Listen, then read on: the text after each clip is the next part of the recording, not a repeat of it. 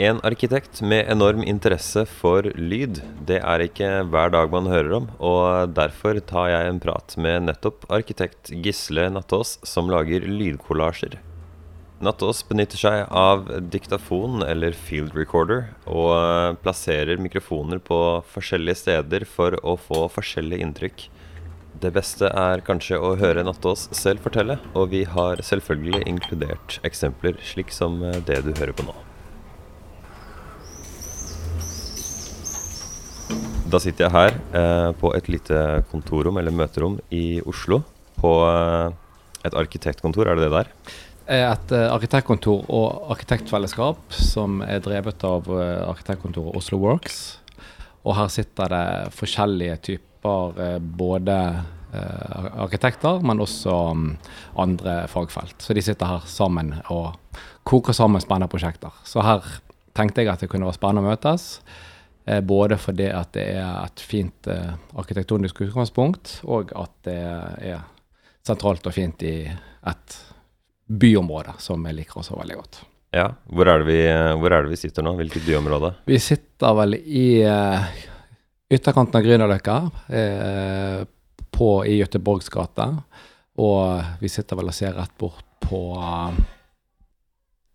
Jeg kjenner det ikke igjen. Nei. Ja, vi sitter i hvert fall eh, på Grünerløkka. Hva er din, uh, hva er din rolle her? Hva, er, du, er, du, her dag til dag, eller? Uh? Nei, jeg er her uh, nå for å treffe deg, og innimellom for å um, treffe de, eller å gjøre sånn som jeg gjør nå, ha noen småmøter og sånn.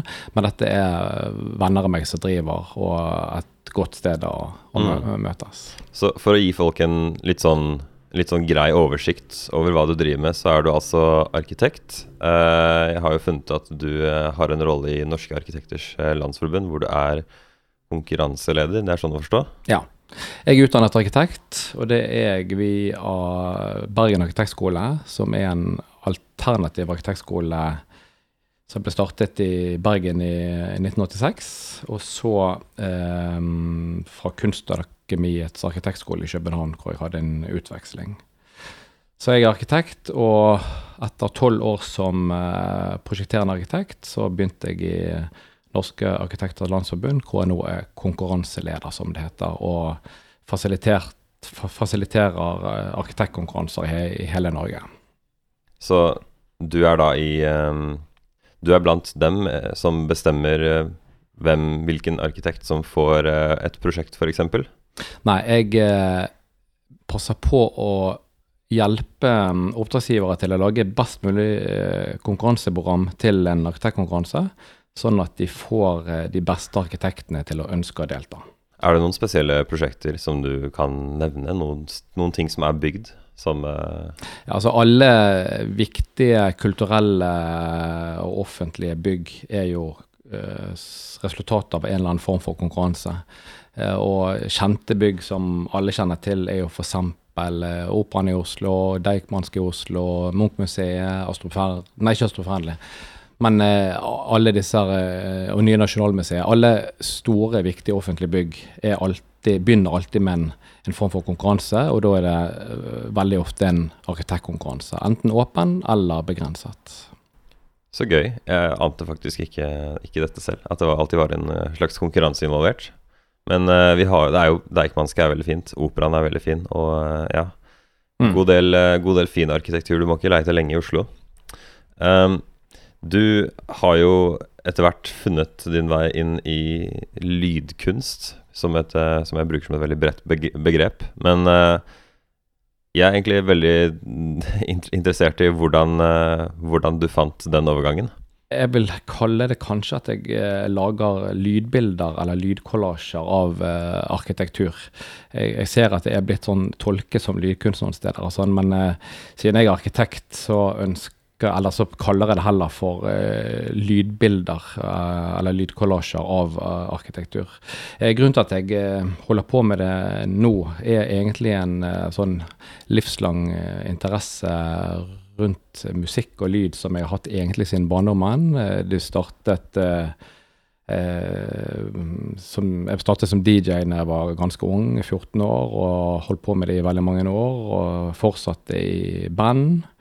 Og så var jeg gjennom uh, denne utdanningen min som arkitekt og fikk helt nye utvidet uh, inspirasjon og, og, viten som gjorde det at nå når jeg vil jobbe med, med, lyd, så ønsker jeg å jobbe med det um, med utgangspunkt i arkitektur, som er faget mitt, for å forske videre på det som er faget mitt, istedenfor bare å skape planløsninger og grep og, og konsepter og sånn innenfor eh, bygningskunst, så ønsker jeg å ta ut eh, lyden av eh, arkitektur og byrom og byer, og eh, lage lydbilder som, eh, som, en slags form for eh, musikk, eller ja, lydkunst, om man kan kalle det for det. Mm. Så når, når, du sier at du tar utgangspunkt i arkitektur, da, tenker du på en måte at et, et rom har et sett med lyder, er på, eller er på en måte et slags instrument som du kan bruke, eller uh, hvordan er det det ser ut i praksis? Utgangspunktet for å, å, gjøre dette er egentlig en utrolig stor interesse og fascinasjon av uh, både arkitektur som i form av bygg, og byområder og byrom. Så ut ifra det så Alle rom og materialer har sin lyd sånn i hverdagen så kan jo det virke veldig sånn eh, åpenbart at eh, du vet at når du går ut fra et eh, hus eller et bygg, så kommer det eh, bilyder og fuglelyder, og når du går videre til et eh, byrom, så blander det seg med folkeliv, og når du går inn igjen, så blir det stille, og hvis det er hareflater, så blir det eh, skarpe kontraster, og når du går inn i Eh, f.eks. et eh, stort rom som et kirkerom, så forsvinner i harde kontrasten og det blir lang etterklang og sånn. Så eh, alle bygg og byområder har sine lyder. Og det er det eh, jeg tar utgangspunkt i, og prøver å finne eh, både de lydene som er karakteristiske, de lydene jeg liker, og fange de via eh, field recording, og så på en måte gå hjem og så jobbe videre med de. Uh, og da lage Avgrense oppgaven min på en måte med de lydmidlene jeg ønsker å lage. Sånn, at, um, sånn at det ferdige resultatet handler enten om det rommet, eller den, uh, det bygget, eller den gaten, eller dette byområdet, eller bydelen og sånn. Så det handler egentlig om å bli observant på de lydene som omgir deg, fange de, og så på en måte servere de på nytt igjen. Jeg, jeg, føler jo at det du på en måte gjør, er å finne ut et, uh, finne ut et bilde du har lyst til å sette sammen. Uh, kompositere, eller hva, hva enn man skal si. For å så presentere liksom f.eks. et byrom, sånn som du hører det for deg ideelt å liksom oppleve. Så eh, for det første, stemmer, er det en riktig ja. sikkert, ja. ja. det er egentlig ganske godt uh, beskrevet. Altså, um, og de avgrensingene de er ganske viktige for meg. For, og det handler litt om dette med det konseptuelle rundt det. Det der at, um, at eh, hvis, det, hvis, alt er åpent, så blir, det, så blir ikke det så klart. Så derfor prøver jeg på hver sånn eh, oppgave jeg går inn i, lydoppgave jeg går inn i, det der å, se hvor klare rammene skal være, hvor rammene går i dette. Og eh, også det der å bruke lydene så, eh, så rent som mulig, og hvor går grensen på eh, å bruke de rent i forhold til komposisjon og ferdig resultat og sånn. Så det er alltid noe som jeg går inn i i hver sånn oppgave. det der eh, Eh, du ønsker å lage et eh, bilde av eh, dette byrommet. Og hva tar du fatt i, og hvordan setter du det sammen, og hvordan på en måte behandler du disse lydlagene du, du, du velger ut. og sånn. Så det er helt riktig det der at jeg ser for meg et bilde i, i, de, i de oppgavene jeg tar fatt i, og så er det da hvordan man på en måte setter rammer og plukker ut og bearbeider og presenterer det igjen. En ting jeg alltid tenker på når jeg hører på hva som helst uh, av musikk eller uh, lydkunst, selv om jeg vet du kanskje ikke var så glad i det uttrykket, men uh, du har en SoundCloud. Man kan søke opp Gisle Nattås og finne en SoundCloud ja. med noen sånne live-anstellinger med bl.a. noen vokalister. Det er på en måte ikke sang med tekst, men det er mer på en måte Jeg vet ikke hvordan Sånn vokaliseringer ja. av Ja, jeg har eh, Med dette arbeidet jeg har gjort, så er jeg blitt invitert inn forskjellige steder til å, til å fremføre dette lydarbeidet. Så jeg var f.eks. på det som heter Performance Art Bergen. En uh, veldig spennende festival som var i 2019, hvor jeg ble invitert inn som en av uh, de kunstnerne som skulle være med på den performancefestivalen. Og uh, det var veldig sånn spennende rammer rundt den festivalen, hvor hver kunstner uh, Festivalen var på Hotell Terminus i Bergen, som er et veldig flott hotell med en direktør som er veldig kunstinteressert. Så han hadde gitt denne Performancefestivalen hele femte etasje i hotellet sitt, hvor hver kunstner fikk et hotellrom så de skulle bo på hele helgen, og også fremføre eh, performancene eh, to ganger i løpet av den helgen. Så da var jeg en av de som ble valgt ut, og eh, fikk et eh, nydelig rom med vinduer ut mot eh, byen og mot eh, togstasjonen i Bergen som var mitt utgangspunkt. Så det som jeg gjorde bl.a. da, var det at jeg både tenkte ut en mikrofon uh, ut av vinduet, sånn at alle de bylydene som var um, utenfor hotellet, de tok jeg inn i byrommet. Og så blandet jeg det med uh, lyder fra uh, to stykker som jeg jobber med. Camilla og Signe, som, um, hvor jeg brukte pusten deres.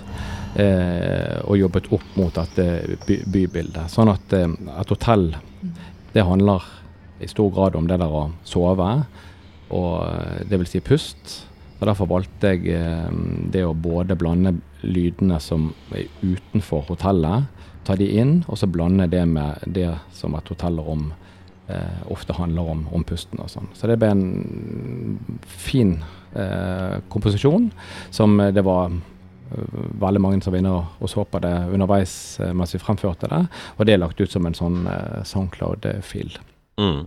Jeg syns jo definitivt at uh, jeg får en mye bedre forståelse av hva det er jeg blir pres presentert for, da. For jeg har jo vært inne og hørt på dem.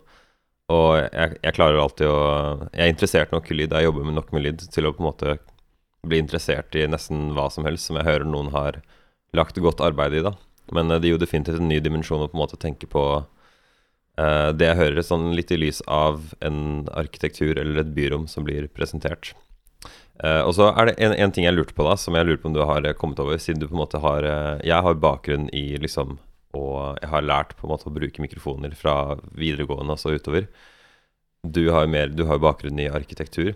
Uh, og så er det et utsagn som jeg ble presentert for så tidlig som videregående, og det er at mikrofoner er dumme. De vet ikke hva de skal filtrere bort, men du og hørselen din filtrerer bort ting hele tiden. Så jeg, jeg, lurer på om det har vært noe du har opplevd, at du stikker mikrofonen ut av vinduet og blir liksom overrasket over at den fanger ting litt annerledes enn du hadde hørt for deg at, uh, at den skulle gjøre?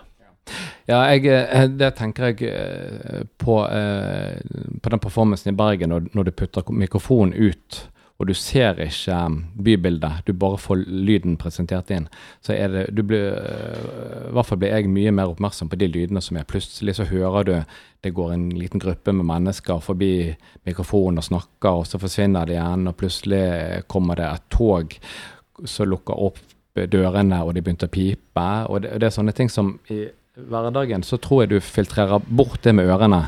Eh, og kanskje det er viktig også at ikke alt eh, av lyder kommer inn i ørene og hodet ditt.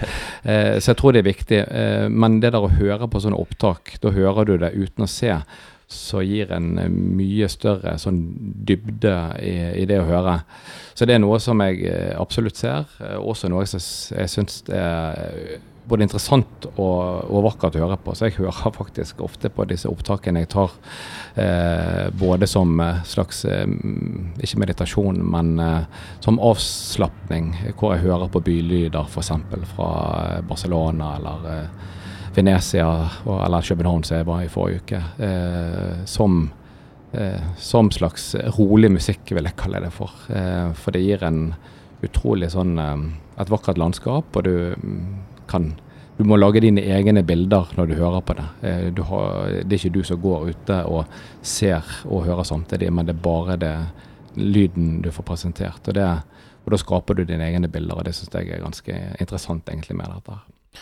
lyden fra et gitt sted er ofte egentlig ganske annerledes enn eh, man skulle se for seg ut fra å f.eks. se på et bilde. Og eh, ikke noe er et bedre eksempel på det enn at I hvert fall når jeg har jobbet med litt sånn lyd til bildet, og har vært med på, på settet da, og spilt inn lyden, og så kommer jeg da og så skal jeg se på det etterpå, og så merker jeg at det er en mismatch. Fordi du kan ikke bare nødvendigvis ta den ekte lyden og putte på et bilde, altså så f.eks. fra et bybilde, og så gir det mening.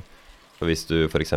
hører en sykkel, men ikke ser den, eller det er en eller annen rar sånn susing Du tilgir veldig mye sånt med det filteret du har inni hodet, så bare ignorerer du det.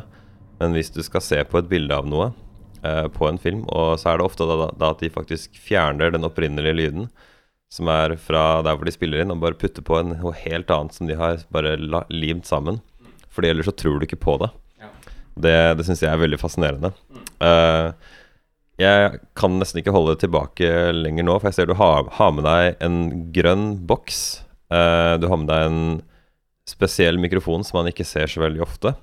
Så jeg lurer på om du kunne rett og slett fortelle litt om uh, hva det er du har med, sånn til å begynne med. Ja, jeg bare tok med meg, eh, siden vi er ute av studioet mitt nå, så bare tok jeg med meg de viktigste verktøyene mine når jeg jobber med arkitektur og lyd. Og det er Det viktigste for meg er å ta feltopptak, og det gjør jeg med en eh, digital håndholdt eh, diktafon. Det er det aller viktigste verktøyet mitt. Og så det er den ene dingsen du ser. Og den andre dingsen, det er en eh, rund Så på størrelse med en femmer, liten plate, prøver å beskrive her. Og Ja, så og- en eh, ledning på omtrent 15 cm med en eh, slags kabelovergang i enden. Ja, så det er en kontaktmikrofon, og eh, den eh, digitale opptakeren den eh, holder du jo i hånden og tar opp egentlig områdelyd. Det kan være at du går tett inntil et material eh, som vibrerer av en eller annen grunn, eller at du går inn i et rom eller byrom og spiller inn det som er der, og det som du i, i stor grad hører sjøl. Det andre dingsen som du snakket om, som var like stor som en femmer med ledning, det er en kontaktmikrofon. Og den også bruker jeg eh, innimellom til å, til å feste til et eh, material for å spille inn de vibrasjonene som er, lydvibrasjonene som er i materialet, mer direkte inn i, i, i datamaskinen. Så den bruker jeg blant annet, brukte jeg sist annet til å spille inn eh, noe perkusjonslyd som jeg gjorde med en kanalplastplate som er egentlig et vindu i studioet som jeg, eh, så jeg jobber. Så den tar jeg, spiller inn, eller tar jeg i seg eh, også lyd som man hører, men på en annen måte, siden det tar det direkte ifra fra materialet som du, som du lager vibrasjoner i. Den beste beskrivelsen av en kontaktmikrofon tror jeg vil være hvis du forsøker å putte øret ditt helt inntil et glass, og du tapper på glasset. Så du vil høre ganske nøyaktig hva en sånn uh, hører. Og det interessante med dem er at du har jo ikke alltid muligheten til å stikke hodet ditt inn til hva som helst og høre på hvordan det høres ut. Uh, Ja, det er godt beskrevet, og uh, det beskriver også forskjellen mellom de. Når du f.eks. har et vannglass som du tar, fyller opp med vann, så kan du spille det inn som en del av uh, lyden som oppstår i det store rommet, eller rommet du sitter i. Men så kan du også ta den mikrofonen og klistre på f.eks. på undersiden av glasset, og det vil bli en helt annen gjengivelse av det. Så det, det er liksom det som er liksom poenget med, med dette, det der å finne de lydene som man ønsker å, å digitalisere eller å ta vare på, og så finne ut hvordan det er best å få fatt i de. Noen ganger er det med å ta diktafon helt inntil, andre ganger er det eh, til å ta det mm, lenger fra og i rommet, og av og til er det til å klistre på en kontaktmikrofon for å få eh, en tredje mulighet å, å, å ta den opp. Og det der med den digitale mikrof eh, diktafonen, så kan man enten f.eks. ha det i rommet hvor man får den store lyden, men så kan man også ta det helt inntil og ta rack level på fullt. Og da blir det en helt annen sånn makro eh, du får. Og, og det er den eh, blandingen mellom mikro- og makroinnspillinger som også er veldig spennende, som gjør det at man eh, kan fremheve lyder som man ellers ikke hører så godt, eh, eller som ellers ikke er så, eh, tilstedeværende i rommet, men man kan da veksle mellom eh, rack level og avstand for å få de riktige lydbildene inn. Det er veldig gøy for meg uh, som jobber med musikk også, å høre alle parallellene og ting som du har uh, på en måte dedusert deg frem til, som er nesten akkurat det samme i musikk. Uh, en ting mange f.eks. ikke vet, er at kontaktmikrofoner egentlig slettes ikke er noen nisjeting. Du har sannsynligvis ikke sett den før, men du har garantert hørt den. Og det har du hørt i form av Hvis du har hørt gamle Jeg vet ikke om Elvis har brukt det, men før i tida så lagde man klang på vokaler eller trommer eller hva som helst å, med kontaktmikrofoner på en enorm metallplate. Du spilte lyden inn i en metallplate, og så spilte du inn med en kontaktmikrofon på andre sida, men det høres ut som et stort rom. Så det er jo én ting. Eh, det andre er det å flytte ting nærme eller langt unna, og hvordan det føles.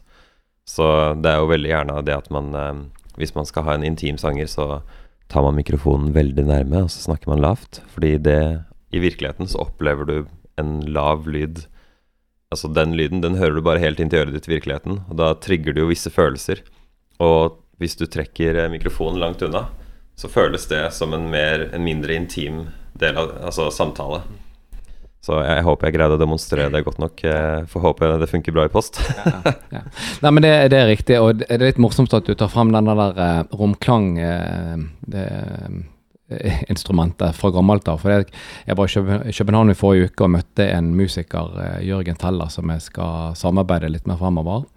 Og han viste meg en stor boks på studioet sitt, og da kunne han fortelle meg at det der var en, eh, en romklangboks eh, som de brukte før i gamle dager. Så han hadde tatt frem nå og brukte når han lagde musikk og sånn. Så jeg har faktisk eh, sett det én gang, og det var i forrige uke. Ok, så gøy. Ja, det, det kalles um, hvis du, har, hvis du har sittet og spilt på en synt eller et keyboard, og den har uh, forskjellige sånne typer reverbs, altså klang, så er det ofte en som heter plate, og da er det det det refererer til, en metallplate. Mm. Så det høres ut som uh, en av de gamle, gammeldagse klangmetodene.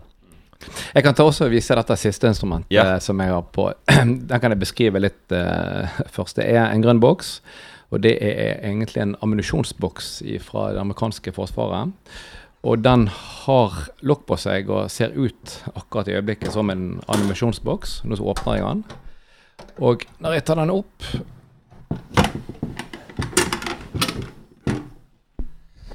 Se der, ja. Så istedenfor eh, ammunisjon, så er det en, et sett med knapper på. Og dette her er altså en, eh, en analog synthesizer som er laget av en uh, Erik uh, Archer i USA. som jeg kjøpte for ca. tolv år siden. Og uh, som jeg også bruker som et supplerende instrument innimellom i disse live-performancene jeg har, eller i lydkollasjen jeg lager. Og det er for å enten utfordre Eh, eller spille med eller spille mot disse her eh, lydkollasjene som jeg lager med arkitektur, så uh, ønsker jeg innimellom å supplere det med andre instrumenter. Og da kan man gjøre det både med konvensjonelle instrumenter eller med uvanlige instrumenter. Og dette er vel muligens det som noen vil se på som et litt uvanlig instrument. Eh, det heter Grendel Drone Commander, og det er egentlig en analog eh, synthesizer. Jeg må jo eh, beskrive hvordan den ser ut. det er jo en, en, en liten grønn metallboks. hva skal man si? 15 cm høy, 20 cm lang og 5 cm bred, kanskje. Mm. Og så når du åpner den opp, så er det bare en sånn rød overflate med en gang sånn Det er ikke noe dypt. Du har bare et sett med knatter på toppen med ting som du forstår hvis du har drevet litt med synteren sin, da, men uh, shape, LFO, mix, oscillator 1 og 2 osv. Men ja, så de, denne lager den, den, produserer på en måte litt sånn For du har ikke tangenter, men det er en synthesizer. Det er, tror jeg er forvirrende for mange. Men den produserer lyder som ikke nødvendigvis skal være sånn supertonale, men mer sånn atmosfæriske, kanskje. Ja, det er atmosfæriske lyder som eh, kommer ut, ut, av den. Så jeg blander dette her da med feltopptak fra byer og sånn, for å skape en slags stemning. Og eh, det er ofte litt sånn ukontrollert, det som kommer ut av den, så jeg bruker mye tid på å notere eh, innstillinger og posisjoner og filter og sånn, for å på en måte i det hele tatt kunne finne frem. Det var en jobb før? Ja, det var, og det er en jobb nå også. Så jeg har tjukke mapper med A4-ark som jeg har eh, laget innstillinger på, som jeg kan finne tilbake hvis jeg plutselig skal fremføre dette. Ja, ja. Så kan jeg muligens finne det tilbake. Ja, for det finnes jo ikke noe det finnes ikke noe Control S, det finnes ikke noe save-funksjon der. Det er, Nei, eh, det gjør det ikke. jeg skulle si det var en jobb før på Det er det faktisk fortsatt i noen store studioer. Når Ja. de har en svær analog pult, og de har spilt inn et helt rockeband, og så har de satt inn alle innstillingene altså fysisk på en analog pult, så må, er det en egen assistent som får betalt for å skrive ned absolutt alle parameterne. ja, ja. Altså det er, det er ganske interessant, og jeg liker dette her eh, at det er litt sånn ukontrollert, eh, fordi at det skaper litt sånn eh, Kan skape tilfeldige, vakre møter, og man, man kan også ha litt kontroll med å, med å skrive det ned. Også. Men det der å på en måte utforske eh, denne boksen her, analoge synthesizeren, med bylydene, og hvordan de skal tunes og legges oppå hverandre sånn, det er eh, utrolig interessant og, eh, og en viktig del av, det jeg gjør. Også. Det er ikke alltid jeg bruker den, men den bruker jeg innimellom hvis jeg føler at her kunne det vært fint og supplert med noe uten, utenifra. Og så har jeg brukt den på disse her live-performancene jeg har hatt, både i Bergen og i Venezia, som jeg var nå i februar. Da brukte jeg den live, hvor jeg eh, skrur på knappene da ut ifra et mønster som jeg har funnet ut av eh, passer til den og den fremførelsen.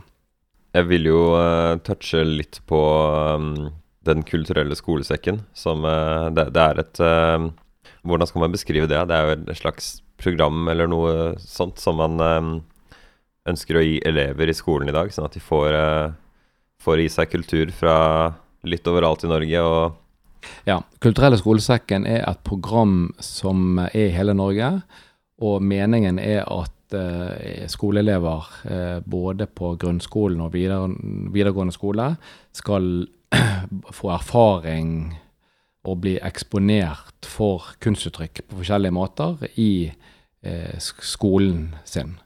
Så gjennom dette arbeidet jeg har eh, jobbet nå, med arkitektur som musikk, så er, er dette blitt tatt opp i Den kulturelle skolesekken, og, og blitt et eh, opplegg som nå skal rundt til eh, 30 skoler eh, i løpet av skoleåret 2021. Um, så jeg har en stor turnéplan foran meg nå, hvor jeg skal reise rundt i Norge og, og presentere uh, dette arkitektur som musikk uh, Nei, arkitektur som instrument uh, rundt 30 forskjellige skoler. Og da er opplegget det at jeg skal ha en introduksjon først, hvor jeg forteller både bakgrunn og inspirasjon og fascinasjon for dette her, og hvordan jeg eh, jobber med det, og hvor de da i del to av eh, opplegget skal være med å skape lyd og musikk av arkitekturen de sitter i, dvs. Si skolene deres. Så det er veldig interessant det der at um, de som skoleelever er, med på dette og Også fra å bruke en skole til å sitte og lære ting og pugge ting og skrive og sånn, så skal de plutselig snu helt om og ta fatt på skolen sin eh, i forhold til lydbilder og hente inn lydbilder og bruke materialer og pulter og kateter og vinduer som instrumenter. Og så da få en, eh, en annen vinkling og erfaring med skolebygget de sitter i. Og når jeg snakker om det, så er det bare kanskje det egentlig prosjektet handler om. Det der å bli observant på eh, omgivelsene sine ved å ta, i, ta det i bruk på en annen måte. Og Det var litt det vi snakket om i sted. Sant? Hvis du går ut eh, fra et bygg og ut i et byrom, så vet du litt hva som er der, og du, du får ikke Du filtrerer vekk mye av eh, lydbildet, men også det visuelle bildet eh, sjøl. Eh, så dette prosjektet handler vel egentlig om å ta faktisk fatt i de eh, lydbildene som er i enhver situasjon som det er i, og så velge ett sted og ta ut eh, lydbilder gjennom materialer og romligheter og, og muligheter og sånn, også for å bli mer observant på, på rommet ditt. hvordan er det det egentlig ser ut sånn i praksis, hvis jeg, hvis jeg er en elev som sitter ved pulten min nå, og vi er på del to? Jeg har eh, forhåpentligvis en pult. um, og så kan man jo lage diverse lyder bare med den. Men uh, du, vi, vi, kunne jo prøvd å gjøre en liten slags demonstrasjon på type et utvalg av lyder man kunne liksom lagd som en form for musikk da fra, fra skolepulten. Ja, ja. Altså Hvis dette var del to, så hadde Jeg det Jeg kan preke min mikrofon mot deg hvis du har lyst til å Ja. Um, hvis det hadde vært, dette hadde vært del to i den um, kulturelle skolesekken-opplegget som jeg skal rundt med, så ender det opp i en slags uh, workshop med uh, elevene. Så da har jeg på forhånd satt ut uh, litt forskjellige mikrofoner. Da bruker jeg både kondensatormikrofoner og kontaktmikrofoner, og kanskje også en digital eh, diktafon. Og sitte på eller mot forskjellige typer materialer på, på skolen. Og Da kan det f.eks. være bordet, eh, eller pulten eller kateteret deres, som har én lyd. Og den har f.eks. For litt forskjellig lyd hvis jeg tar fingeren på den, eller hvis jeg tar hånden på den. Eller hvis jeg tar eh, et, noe hardt eh, Ringen min på den, f.eks. Så det viser bare det at den eh, F.eks. bare den arbeidspulten, den har tre forskjellige lyder bare med, med håndflaten din. Og sånn kan man gjøre med hva som helst. Eh, vinduer er noe som jeg liker veldig godt å mikke opp. For den kan du både lage veldig skarpe lyder med, med f.eks eh, eh, neglen din eller eh, fingerspissen din. Men så kan du også slå med håndflaten der. Men så kan du også eh, lage en annen type lyd. Altså ikke rytmiske lyder, men litt mer, disse her malende lydene. Da kan du f.eks. ta og stryke håndflatene dine mot vinduet, og så trekke de over eh, vindusflaten. Da vil du få en, en mer sånn malende lyd. Litt sånn så kanskje funksjon som eh, gitar har i musikk. Um, med å slå på sånn som vi gjorde i sted, så får du eh, rytmiske lyder, og det kan du gjøre eh, i alle mulige fasonger. Og det er det som er det enkleste å lage, og det er det mange eh, elever gjør med en gang, for det er det som er mest sånn øyefallende. Men alle lydbilder trenger også disse mer lange lydene eh, som eh, ligger over det rytmiske. Og det kan man få enten ved f.eks. Å, skubbe en stol over gulvet veldig sakte, eller ta håndflaten din og, og, og stryke over vindusflaten.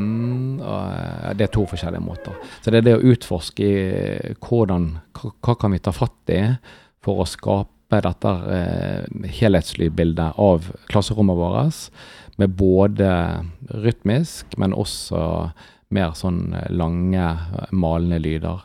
Eh, luftanlegg er noe som jeg også liker veldig godt å, å bruke. Med det å stikke en eh, mikrofon langt inn i en ventilasjonskanal, og så ta opp eh, rack-volumet. Og så eh, Det kan du lage utrolig sånn flotte flotte, maleriske eh, lydbilder over det, det rytmiske sånn. Så det som alt er mulig, og, og, alt er lov. Så det er det jeg da prøver å, å jobbe med elevene, det at de får eh, At de ser muligheter, og at de tør å ta fatt i muligheter. Og med å gjøre det, eh, så vil de plutselig neste dag komme tilbake på skolen og ha litt annen annet opplevelse av skolebygget sitt som er mer enn det å bare sitte og, og lære å skrive, men at eh, også skolebygget og omgivelsene deres er noe annet enn det som de kanskje har sett før. Jeg har jo to tanker der. Den ene er jo at uh, det er alltid gøy for meg å høre når noen har stukket en uh, mikrofon et sted du ikke stort sett kan stikke huet ditt, og bare høre på en lyd du ikke får til å høre på i virkeligheten. Uh, for eksempel ja, nå hadde jeg en brusboks her, men jeg tror ikke det er så mye brus igjen. Men uh, f.eks. en mikrofon nedi en brusboks kunne vært Det er en veldig sånn surrealistisk, intens opplevelse av en veldig lav lyd. Det, det andre jeg tenkte på, er at uh, du er jo hovedsakelig arkitekt, og det er jo det som er bakgrunnen din. Ja. Og jeg leste jo et uh, intervju med deg gjort i sammenheng med et uh, hus du hadde gjort, um, hvor du poengterte forskjellen på et hus gjort av arkitekt, og et hus som man på en måte hadde kjøpt ferdigbygget og plumpa midt på en tomt. Eh, og liksom forskjellene på det. Og da var det veldig Dit, i hvert fall det utdraget de tok fra deg, da. Det var at du sa at da, da har de ofte ikke tenkt på hvordan du skal bruke hagen. Eh, hvor du kan se utsikten eh, og um, alt det der, da. Skygger og sånne ting. Og da, da lurer jeg på hvordan lyd passer inn i den sammenhengen. Eh, morsomt at du tar opp det, for det, jeg ser jo nå at det, det, handler egentlig akkurat om det samme. Når du skal tegne et hus på en spesifikk tomt, så kommer eh, f.eks. solen står opp på én side, han går rundt, rundt tomten og går ned på en annen side.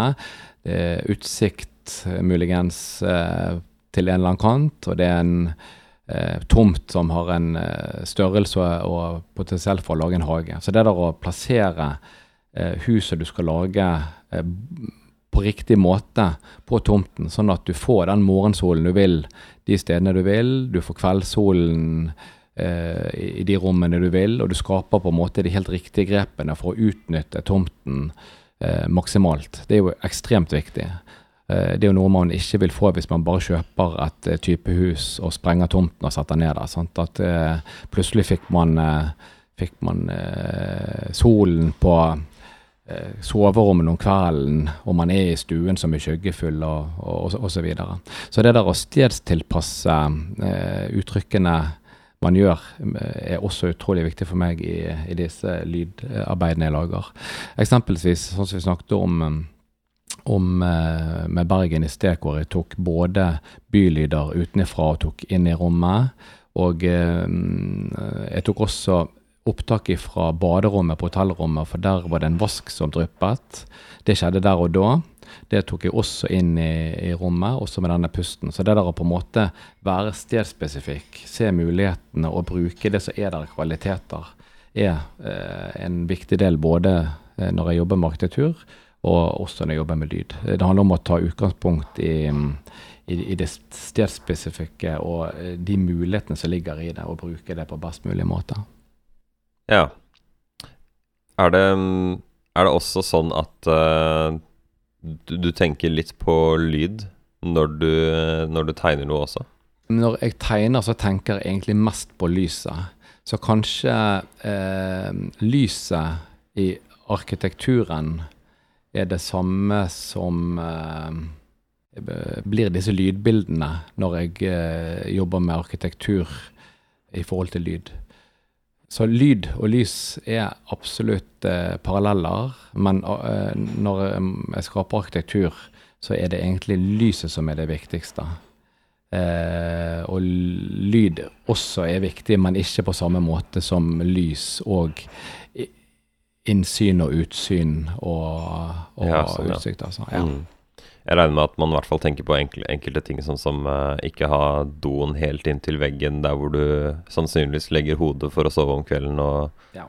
ja. Det er absolutt uh, viktig med, med, lyd i arkitektur også, men det er på en litt annen måte. Det er litt mer for å skape optimale forhold for, uh, for lyd i, i hverdagen. F.eks. med det der at det er, som du sier, eh, riktig oppbygging av veggen som gjør at ikke lyd eh, smitter, og at ikke eh, møterom og fellesrom og sånn har en sånn akustikk som gjør at det blir mulig å snakke sånn. Så det er helt riktig, altså. Eh, men jeg føler at når man skaper arkitektur, så er det litt mer for å skape det optimale forhold for at eh, det livet som skal være der, kan foregå der uten at man blir sliten og får problemer og sånn. Mens, eh, mens eh, når jeg jobber med det, så er det mer den lyden som, eh, som faktisk ble i rommet som jeg, jeg bruker. Litt sånn avslutningsvis. Jeg som har litt erfaring med lyddesign, gjør ofte veldig sånne Litt avhengig av hva det er, da, så kan jeg gjøre litt sånne ekstreme grep. Og etter å ha vært gjennom det som er i hvert fall ute da, fra deg på SoundCloud, så er det Så legger jeg merke til at lydene er veldig naturlige, stort sett. Det hender at de har litt klang, eller litt sånn ekko. Uh, men det er stort sett ikke noen sånn voldsomme endringer, sånn som at du f.eks. har pitchet ned noe og gjort det veldig dypt, eller lagt på en sånn jeg, jeg har en kunstig klang som heter Taj Mahal, som er sånn 16 sekunder lang. Jeg veit ikke om de faktisk har spilt inn klangen der for å sample den, men uh, Er, er det noe du har tenkt på i det hele tatt? Om du kunne brukt litt sånn spesielle, unaturlige ting i uh... det, det, der er jo sånn som jeg gjør, eh, eller utforsker fra arbeid til arbeid og sånn. Og det som jeg ser eh, for at det skal være eh, konseptuelt eh, forståelig og, og, og, sånn, så prøver jeg i utgangspunktet å bruke lydene jeg tar opp som så naturlig som mulig, sånn at de er gjenkjennbare, men ikke at det blir for banalt, på en måte. Så det der er alltid sånne spørsmål og grenser og valget må ta hver gang. Hvor naturlig skal lydene eh, være oppå hverandre i forhold til eh, hvor bearbeidet eh, de kan bli. Så det der å pitche ned og sånn, det har jeg ikke gjort så mye til nå. For jeg, eh, foreløpig så er det viktig for meg å jobbe så rent som mulig konseptuelt, sånn at jeg på en måte får det inn under huden. Og så kan jeg se hvor eh, grensene går i forhold til det der å vri helt om på lyder. Uh, hvor man kan si f.eks. at dette her er dette her er tromming på uh, et, et betongbord, men at det høres ut som no, no, noe helt annet.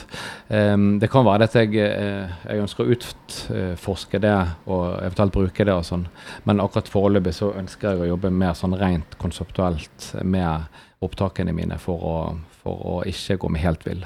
Eh, man kan jo gå seg ganske vill i, i lydarbeidene, og det ser jeg også når jeg jobber og sånn, at eh, verktøyene jeg bruker, eh, så kan jo du jobbe rent og uh, uten så mye effekter, men du kan også ta på så mye effekter at du roter det helt bort og sånn. Så det her å holde tungen beint til munnen er foreløpig ganske, ganske viktig for meg også, for at det skal være uh, forståelig uh, som arkitektur som eh, instrument. Jeg kan i hvert fall bare gi et konkret eksempel, for det tar jo meg et tasteklikk eh, etterpå å gjøre det. Men uh, altså eksempel på lyd som er pitcha ned. Her har vi originallyden. Så jeg tar fingra, neglene på bordet, og så pitcha ned.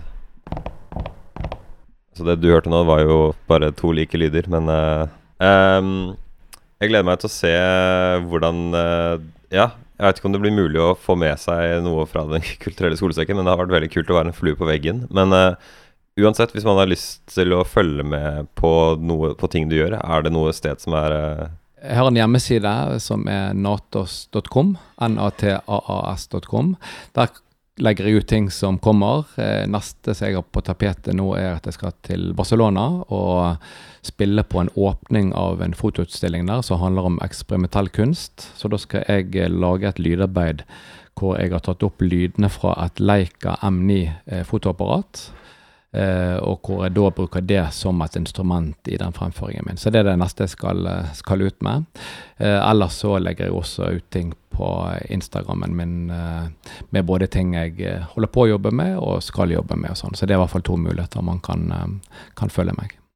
Vi gjør denne podkasten hver uke og snakker som regel med norske artister og musikere. Du kan finne oss i Apple Podcast-appen eller på Spotify eller hvor enn det er du finner podcaster ved å søke på Plenty Kultur.